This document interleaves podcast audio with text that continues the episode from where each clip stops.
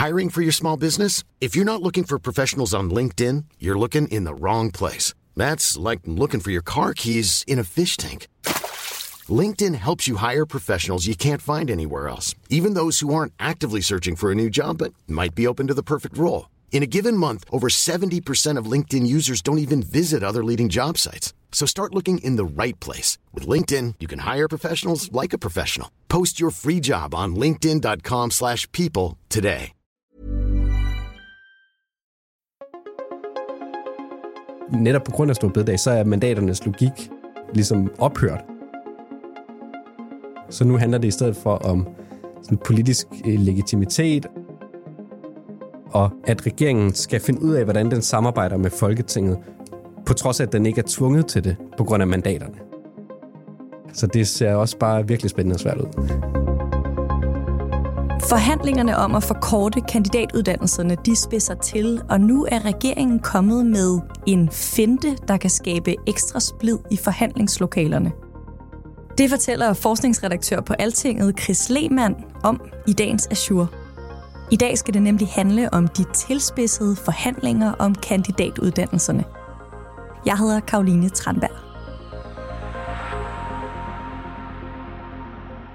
Jeg sætter mig for at, at undersøge, hvad der foregår i det her forhandlingslokale, fordi det er lidt længe siden, der er kommet nyt ud. Øh, og i den research, der får jeg så fat i det her notat, som ligesom er det centrale bud fra regeringen på, hvordan en anden model for den her kandidatreform kunne se ud.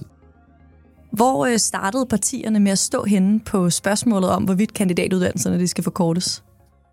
Hvis vi skal tage regeringspositionen først, så var de, at de ville gerne lave op mod halvdelen af alle kandidatuddannelser om, øh, og gerne om til sådan en eller anden form for de her etårige kandidatuddannelser, som vi har hørt meget om. Og nogle af dem skulle så også være sådan nogle etårige såkaldte erhvervskandidater. Og derfor foreslår vi, at op imod halvdelen af pladserne på kandidatuddannelserne fremover, fremover udbydes som nye og mere erhvervsrettede uddannelser, og at mange studerende fremover skal tage en erhvervskandidatuddannelse, hvor man arbejder, mens man studerer. Det var så op mod halvdelen, så 50 procent. Så kom der så et øh, bud fra, hvad jeg vil vurdere, og mange andre også har vurderet, er de centrale partier i forhandlingerne. Det er Konservativ, det er Liberale Alliance, og det er SF kom lige ud med et fælles bud om, at man kunne starte med 5%, og så hvis det gik godt, altså 5% som en forsøgsordning, hvis det så gik godt, så kunne man skrue det op til 10%. Der er dybest set sket to ting. Den andel af kandidatuddannelser, der skal ændres, er blevet sænket fra 50 til 36 procent, og så er der kommet øh, dimensionering ind lige pludselig i regeringsforslag. Det, der så er med de her 36 procent, som er det afgørende, er, at øh, de består af 20 procent kandidatuddannelser, der skal laves om til erhvervskandidater, og så 16 procent etårige kandidater. Så lige pludselig så er vi altså gået fra 50 procent, som mange var sur over, ned til 16. Det, der så står i bunden af det her notat, det er det aller sidste afsnit i det, det er, at øh, hvis ikke man får oprettet tilstrækkeligt af de her erhvervskandidater til at opfylde målsætningen om 20 procent, så skal man ligesom fylde op med etårige kandidater. Så det vil sige, at der står altså ikke 16 procent etårige kandidater, der står faktisk potentielt 36 procent etårige kandidater. Og det er her, hvor fortællingerne fra regeringen om, hvad for et bud den kommer ind med, og fortællingen fra oppositionen om, hvad for et bud den har modtaget, ligesom clasher. Fordi regeringen mener selv, at de har flyttet sig enormt meget fra 50 procent helt ned til 16. Omvendt så ser oppositionen, at der er meget langt fra deres 5-10 procent op til de her potentielt 36 procent. I en analyse, som du har skrevet på Altinget, der kalder du det her for en finte fra regeringen. Hvad mener du egentlig med det? Det kalder jeg det, fordi at man faktisk skal læse det her papir ret grundigt, før det går op for en, hvad der egentlig står. Det er min opfattelse, at der er nogen, der har følt, at regeringen ligesom har forsøgt at, at skjule dens faktiske bud ind i et bud, der ser det pænere ud. Det, det er rigtig svært for, for hvad kan man sige, partierne at, at være inde i lokalet, så længe det der bud ligger på bordet der er jo virkelig langt fra 5 til 50 procent. Hvorfor er det så vigtigt for regeringen at have de her partier med? Det er jo blevet vildt vigtigt for regeringen at have flere partier med efter al den ballade, der var om afskaffelsen af Stor Bededag. Øhm, det er også sådan, at vi har hørt fra forhandlingerne, i hvert fald et af partierne siger, at inden alt det med store Bededag ligesom løb af stablen, og man kunne se, hvor ondt det gjorde på regeringen i meningsmålingerne, så havde de forventet, at hvis de var kommet ind med et bud på 5-10% til de her forhandlinger, så var de blevet pænt vist, hvor døren var. Men det er jo ikke det, der er sket. Regeringen har i stedet for ligesom taget øh, bud til sig og har sat sig ind og har sendt det gennem Finansministeriet og Økonomiministeriets regnemaskine og fundet ud af, okay, hvor, altså, hvad kan vi gøre med det her? Ikke? Og det har de faktisk brugt et par uger på. Det synes jeg illustrerer noget om, at regeringen øh, er kommet et nyt sted hen i forhold til, hvor den var med Stor Bededag, hvor den jo bare moste igennem Folketinget med sit eget flertal. Den har været nødt til at tage det her bud øh, ekstremt alvorligt. Og partierne foreslår 5% Hvorfor er det vigtigt for dem at være med i det her? Det er fordi, hvis det bliver vedtaget, så er det en reform af en sektor, som fylder rigtig meget, også i samfundsøkonomien. Der er lagt op til i forhandlingerne, at det bliver lavet som et forlig, så det vil altså sige, at hvis du står udenfor, så mister du indflydelse på det her centrale område, indtil forliget enten bliver opsagt, eller indtil du får lov at komme med ind i forliget. Så hvis man lige sådan overordnet skal sige, hvad er der på spil i de her forhandlinger, som der er i gang netop nu? Regeringen har rigtig meget på spil i forhold til at få mange med. Partierne har altså også meget på spil, hvis de ryger ud. Der er mange, der ligesom er bundet til deres positioner. Så er der jo også det her med, at vi har en flertalsregering øh, hen over midten, så det er også noget med, jamen, den kan jo bare vælge at gå fra de her forhandlinger og sige, pff, glem det her med 5 og 10 procent, nu implementerer vi 50 procent, og så ses vi. Når man kan tælle til 90, det er så dejligt håndgribeligt, så behøver man ikke at være lige så bøjelig som regering. Men regeringen skal ligesom her finde ud af, hvor bøjelig den kan være, og det, det, det tror jeg er svært. Det tror jeg faktisk er virkelig svært. Hvad betyder det så for den forhandlingssituation, der er lige nu, at oppositionen synes, regeringen kommer med så dårligt et øh, modbud? Det er svært at komme videre øh, af, af det, jeg hører. Helt nøgtern kan man også konstatere, at hvis den her reform skal implementeres til det tidspunkt, regeringen gerne vil have, at de første dimittenter med de korte uddannelser kommer ud sommeren 2029. Hvis man skal nå at implementere det, så de faktisk kan komme ud der, så har man altså rigtig travlt. Hvis man regner baglæns, så skal de her nye bachelor starte i 25.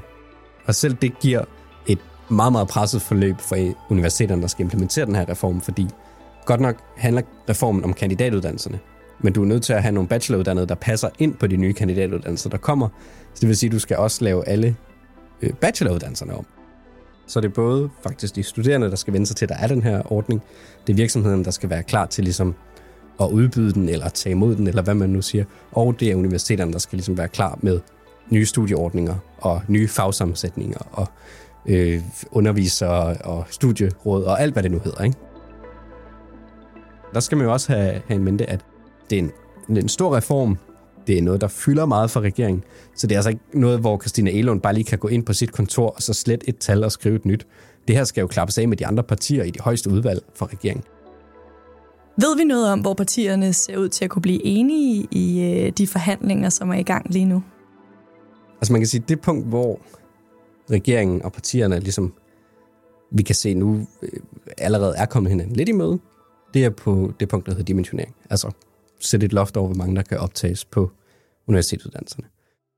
Lad os tage regneeksemplet og sige, at i et givet år er der blevet optaget 70.000 på universiteterne. Hvis det så er det år, du ligesom regner ud fra, og du sætter et loft på 10%, så siger du, jamen, fordi vi har dimensioneret med 10%, så må der på universiteterne samlet kun optages 63.000, altså 10% mindre. Det, det er simpelthen den procentsats, som du sænker loftet med, for hvor mange der bliver optaget. Og i dag er der ikke noget loft på. Der må, altså, så længe de kan køre rundt, så må de ligesom bare øh, fortsætte. Der er nogle enkelte uddannelser, der så er dimensioneret. Medicin blandt andet, der har vi en regulering på, hvor mange læger vi har behov for, som vi simpelthen kan absorbere på det lidt særlige arbejdsmarked, der er der. Der er også nogle uddannelser, der er dimensioneret efter øh, øh, dimittentledighed, altså hvor vi kan se, at det tager lang tid for de studerende at få et arbejde, så derfor så er der også færre pladser der. Så det er også lidt en ny ting i uddannelsespolitik i Danmark, at vi går ind og smækker et generelt loft over, hvor mange der må optages overhovedet. Hvad er partiernes argumenter for at gøre det på en generel basis? Nogle af partierne håber så på, at man kan forskyde øh, studerende, der ellers har været optaget på universitetet, til at for eksempel at tage professionsbacheloruddannelser. Sygeplejerske, pædagog, lærer, socialrådgiver. Dem er der jo rigtig meget brug for lige nu. Der er i hvert fald mangel på dem derude. Det er der nogle eksperter, blandt andet Tænketanken DEA, der øh, sætter spørgsmålstegn ved, om du egentlig kan sige, at det er så entydigt, fordi hvis du så ikke bliver optaget det ene år, så kan det jo være, at du venter bare til næste år med at blive optaget på din universitetsuddannelse i stedet for din professionsbacheloruddannelse. Der er også et andet argument imod, som hedder, at jamen, når du beder hele sektoren om selv at lægge et loft på, så kommer der jo også en forhandling internt mellem universiteterne. Så det vil sige, der er formentlig også nogle af de uddannelser, hvor vi oplever store mangler, som har stor øh, samfundsøkonomisk øh, gevinst, som måske også skal skæres ned, altså hvor der egentlig ikke er noget økonomisk rationale, nogen politikere ville bryde sig om, øh, bliver skåret ned.